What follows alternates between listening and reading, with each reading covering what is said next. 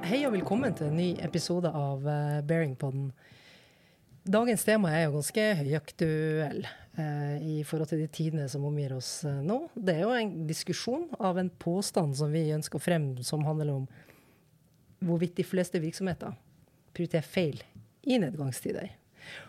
Og her i podkaststudiet så har vi meg, som er Rita Sivertsen, rådgiver i Bearing Point in transformasjon, business agility og innovasjon blant flere ting. Og så har vi deg, Cecilie. Ja, hei. Eh, jeg heter Cecilie Nilsen og jobber som konsulent i Bearing Point. Eh, jeg har de siste åra hatt mye fokus på endringsledelse og omstilling. Og det er jo noe vi skal komme mer tilbake til i denne podkasten. Ja, og den påstanden vår hvorvidt de fleste virksomheter amputerer feil i nedgangstider, den har vi jo ikke valgt tilfeldig. Cecilie, har du lyst til å starte med å si litt om hvorfor vi har lyst til å snakke om eh, nedgangstider? Det kan jeg. Uh, I mediene så skrives det jo hovedsakelig om høye priser i markedet. Uh, men Statistisk sentralbyrå skrev i desember at norsk økonomi det preges nå av høy konsumprisindeks, fallende boligpriser, økende renter, og at man antar at arbeidsledigheten vil stige utover året. Og det her det betyr jo usedvanlig usikre tider også for bedriftene. Kostnadene for drifts- og innsatsvarer er høye. Eh, økte renter, færre oppdrag fra offentlig sektor. Og summen av det her betyr jo faktisk at lønnsomheten er mye lavere enn det den var for ett år siden. Mm. Så med de her utsiktene så bør man jo gjøre noen prioriteringer for hvordan man skal håndtere den i en mulig nedgangstid. Ja, og vi påstår jo at bedrifter prioriterer feil i nedsider. Så hvilken situasjon står de i, og hva kjennetegner typisk hvordan de prioriterer? Ja, altså Bedriftene i nedgangstider, det, det, er jo en rekke faktorer som kjennetegner det vi ser nå. Uh, og de kjennetegnene de kan jo uh, bedriftene merke f.eks. To veldig tydelige ting. da. Redusert etterspørsel, som igjen førte nedgang i, i inntekter. Og det er jo sånn at når også business to business, men ikke bare business to consumer-markedet i mindre grad etterspør varer og tjenester, så merkes jo det i inntektsstrømmen. Og det kan jo føre til økonomiske vanskeligheter. Så er det jo kanskje det som de fleste lener seg på, som er en av de ja, la oss kalle det grunnene til at vi sitter her i podkaststudio i dag, det er kostnadskutt. Og det er jo for å prøve å overleve en økonomisk eh, nedgang, mye nedbemanning osv. Og så er det jo i tillegg økt konkurranse. Når det blir mindre behov eller mindre etterspørsel, så merker man jo at konkurransen blir, blir sterkere. Og da ønsker man også å gjøre grep for å opprettholde sin markedsandel. Ja, og så er det jo noe med den eh, forbrukerrettferden. Altså jeg kjenner meg jo igjen selv at økt økonomisk usikkerhet det fører jo til at man søker etter billigere og mer essensielle produkter. Og det påvirker rett og slett både hvilke produkter og tjenestene som bedriftene igjen tilbyr. Og så er det noe med denne at I en gjennomsperiode så kan banker og andre långivere være mindre tilbøyelige til å gi kreditt til bedrifter, noe som kan begrense deres evne til å investere i nye prosjekter eller utvide virksomheten. Ja. Og det er jo litt sånn klassisk strategi eh, i forhold til det med kostnadskutt. Det er jo som julaften på kjerringa, og det er jo helt gal-Mathias. Eh, det er jo sånn historisk krampetrekning. Eh, det, det er som eh, snøen i Oslo som faller hvert eneste år. Det er krisestemning, glatte veier. Folk har ikke bytta til vinterdekk. Skulle tro vi ikke hadde bodd i Norge før. Helt kaos. Det er tullete. Uh, og det går jo på en veldig sånn klassisk nesten litt sånn autopilot, men det er jo sånn reaktiv eh, tilnærming når det er krise. Du ønsker å prøve å eh, få selskapet ditt til å overleve. Hva er det enkleste grepet du kan gjøre? Jo, det er å kutte kostnader. Eh, kutte i bemanning osv. Men i verste fall så leder jo det til konkurser. Og det gjelder jo for bedrifter i forhold til at det du skal klare å gjøre, det er jo omstilling. Så det skal være en kjernemuskulatur. Altså omstillingsmuskelen. Og det er her Business Agility kommer inn i bildet, og det kommer jo mer tilbake etterpå. Men det er jo noen gode nyheter òg, Cecilie. Det er grep som kan gjøres utover det å bare kutte i bemanningen. Så Cecilie, kan du spre litt eh, optimisme til lytterne våre? Først og fremst så vil jeg bare nevne at bedrifter er ulike, og det er jo selvfølgelig ikke en strategi som passer for alle. Men vi ønsker likevel å presentere noen tiltak som kan være relevante. Ja. Først og fremst så er det noe med å ha fokus på kjernevirksomheten. I nedensider så kan det være en god strategi å fokusere på de produktene og tjenestene som gir mest profitt, og ikke bruke budsjettet på å støtte opp de produktene og tjenestene som underpresterer. Det bør også være et fokus på å promotere de mest profitable produktene og tjenestene til både tidligere, nåværende og potensielle kunder. Og når vi snakker om promotering, eh, første tanke er jo muligens at man bør kutte tilbake på markedsføring og salg. Men hold trykket oppe, eller øk det. I nedensider så er det jo ekstra viktig å sørge for at din bedrift er den som popper opp i hodet til kundene. I tillegg så ønsker man jo å forsikre at bedriften din er velposisjonert når økonomien eh, tar seg opp igjen. Ja, og det er jo egentlig kanskje det trekket som man historisk sett burde lært, lært mest av, da. Eh, når det gjelder en av de viktigste grepene og strategiene, som er innovasjon. Det å investere i forskning og utvikling for å skape nye produkter eller tjenester. Som igjen vil generere inntekt og hjelpe virksomheten til å skille seg ut eller differensiere seg fra konkurrentene. Det er jo sånn at uh, Gjennom koronakrisen McKinsey publiserte jo en studie hvor uh, under koronakrisen så lå de selskapene som var egentlig best i klassen på uh, innovasjon og innovasjonskultur, 10% de presterte 10% bedre i forhold til omsetning. Og når de kom ut av koronakrisen, ut av tunnelen, så hadde de klart å forbedre seg på den måten at de lå 30% presterte 30 eh, mer. Det er ganske betydelig tall. Så nedgangstider kan være veldig gode tider for å introdusere tilbud som er retta mot forbrukere som f.eks. For har trangere lommebok eller er naturlig mer sparsomme. Det gjelder jo også partnerskap. Ja, altså Vi snakker jo om det å tenke nytt med innovasjon. Og f.eks. diversifisering. Innta nye markeder eller produkter for å rett og slett redusere risikoen for å bli for avhengig av ett produkt eller ett marked, er jo også et tiltak. Du var jo inne på det med strategiske partnerskap. Mm. Men det å bygge opp strategiske partnerskap med leverandører eller partnere som kan hjelpe virksomheten å innta disse nye markedene, teknologiene eller ressurser, kan jo også være veldig lurt å gjøre i nedgangstider. F.eks. Eh, Microsoft rapporterer at 95% av deres omsetning kommer fra strategiske partnerskap. Ja. Det er en betydelig andel av omsetningen, altså. Ja, det er jo nesten hele omsetningen. Ja. I tillegg så har man reduksjon av kostnader. Uh, og det er jo sånn at det kan være helt nødvendig å kutte kostnader for å opprettholde resultater. Men det er viktig å ta med seg i vurderingen hvilken innvirkning disse kuttene kan ha på bedriften og de ansatte. Det er viktig å ikke kutte investeringer som kan hjelpe bedriften å hente seg opp igjen når økonomien snur.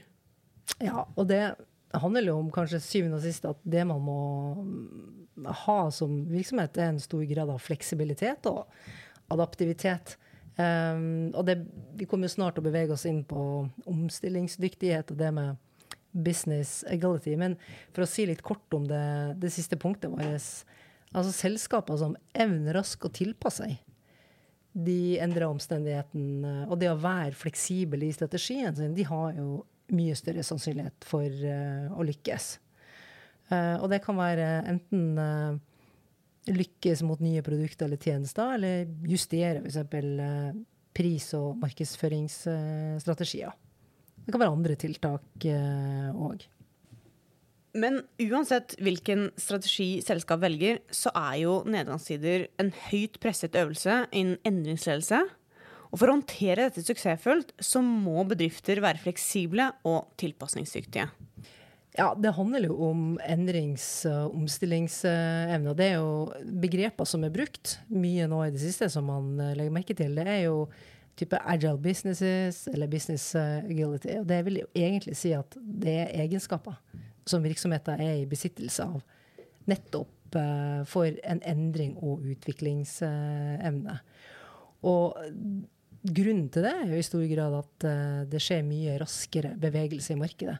Uh, omstendighetene endres med mye større fart. Og det er jo uh, flere som har brukt mye tid på det her. altså av de skolerte, for å si det sånn. Rita Gunther McGrath, som er en amerikansk strategisk ledelsesforsker og professor i ledelse ved Columbia Business School. Og ikke minst Erin Meyer, som skrev en, eh, en, bok om studiet de fem årene hun hadde inne i Netflix. Har løfta fram bl.a. de viktigste kapabilitetene. Men hva mener du egentlig er de viktigste kapabilitetene? Ja, Det finnes jo sikkert flere, da, men de viktigste som løftes frem oftest, det er strategi. Det å ha en dynamisk strategi. Og så er det jo innovasjon. Det å ha gode innovasjonsprosesser. God innovasjonskultur. Kanskje en av de vanskeligste tingene man kan få til. Og så er det å ha raske beslutningsprosesser, gode prosesser internt. Og så er det jo ikke minst det, eh, organisasjonelle med people and culture. Det at du har en bra, får utvikle en bra organisasjonskultur som er robust. Det snakkes veldig mye nå om business resilience. Det handler veldig mye om organisasjonskultur. Så er det ikke minst teknologi og digitalisering, og kanskje det hotteste nå som eh, blir omtalt eh, mest de to, i hvert fall siste årene, som handler om leadership. Det å endre måten du er som leder på. Endre hvordan du rett og slett leder. Og det har kanskje vist seg å være det vanskeligste. Og det, med, det som Erin Meyer påpeker, blant annet, er jo at nå har man det som kalles det omvendte beslutningstreet, altså decision making tree hvor eh, lederen satt på toppen først, eh, og klassisk sett har tatt beslutninger. Men nå skal lederen være visjonær, sette retning, og så tas egentlig beslutninger mer operasjonelt i organisasjonen. Det er de som kjenner til kanskje behovet, kanskje kundene, og den utviklingen som gjøres. Ja, og apropos ledelseskultur, men også kultur generelt og endringsledelse, Cecilie. Det er jo ditt fagområde. Her har jo du mange meninger. Det stemmer jo det. Og så er det jo spennende å se at det kjennetegner virksomheter som er bærekraftig over tid, og som faktisk overlever, er at de har menneskene i fokus. Folk må rett og slett føle seg sett og hørt og at de får være engasjerte og involverte i bedriften. Og det er jo akkurat det man har sett eh, i saken om masseoppsigelse på Ullevål sykehus akkurat nå. Mm.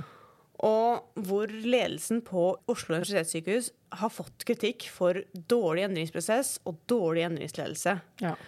Eh, ansatte de vil jo føle seg hørt og sett, og de vil inkluderes i endringen. I tillegg til at de også ønsker å få kommunikasjon om hva er det som skjer, og hvordan kommer den til å påvirke oss. Og det er jo nettopp det at nedgangstider er jo en høyt pressa øvelse i endringsledelse. Vi nevnte jo det tidligere. Og det handler ofte i nedgangstider om at man skal omstille seg fort. Man skal gjøre raske beslutninger, og implementering det skal jo bare skje umiddelbart. Ja. Og likevel så er det essensielt å ta seg tid til å engasjere og involvere de ansatte, til tross for høyt tempo. Og jeg sier jo her til tross for høyt tempo, men det er jo egentlig fordi det er så høyt tempo at det er essensielt å ta seg akkurat den tiden her til å involvere de ansatte. Ja. Hva tenker man da er det viktigste grepet som kan gjøres? Jeg tenker jo at åpen og ærlig kommunikasjon med de ansatte i tøffe perioder er helt avgjørende for å bevare tillit til ledelsen og for å motivere de ansatte. Det er jo en sånn naturlig greie med oss at når ting er tøft, så ønsker vi å holde det inni oss. Vi ønsker å holde det i en mindre gruppe. Og tenker at man vil byrde de andre rundt seg eh, hvis man deler det. Mm. Og jeg tror nok det er det også mange ledere føler på, at de, de ønsker ikke å liksom spre negativitet eller spre at det er usikkerhet. Ja, eller kanskje utvise sårbarhet. Ja, men, ja, seg sårbar. Akkurat det. Men jeg tror nok det å holde tyst, opptre som lukka og rett og slett lite transparent eh, i usikre tider, det skaper egentlig bare mer usikkerhet og frustrasjon. Mm.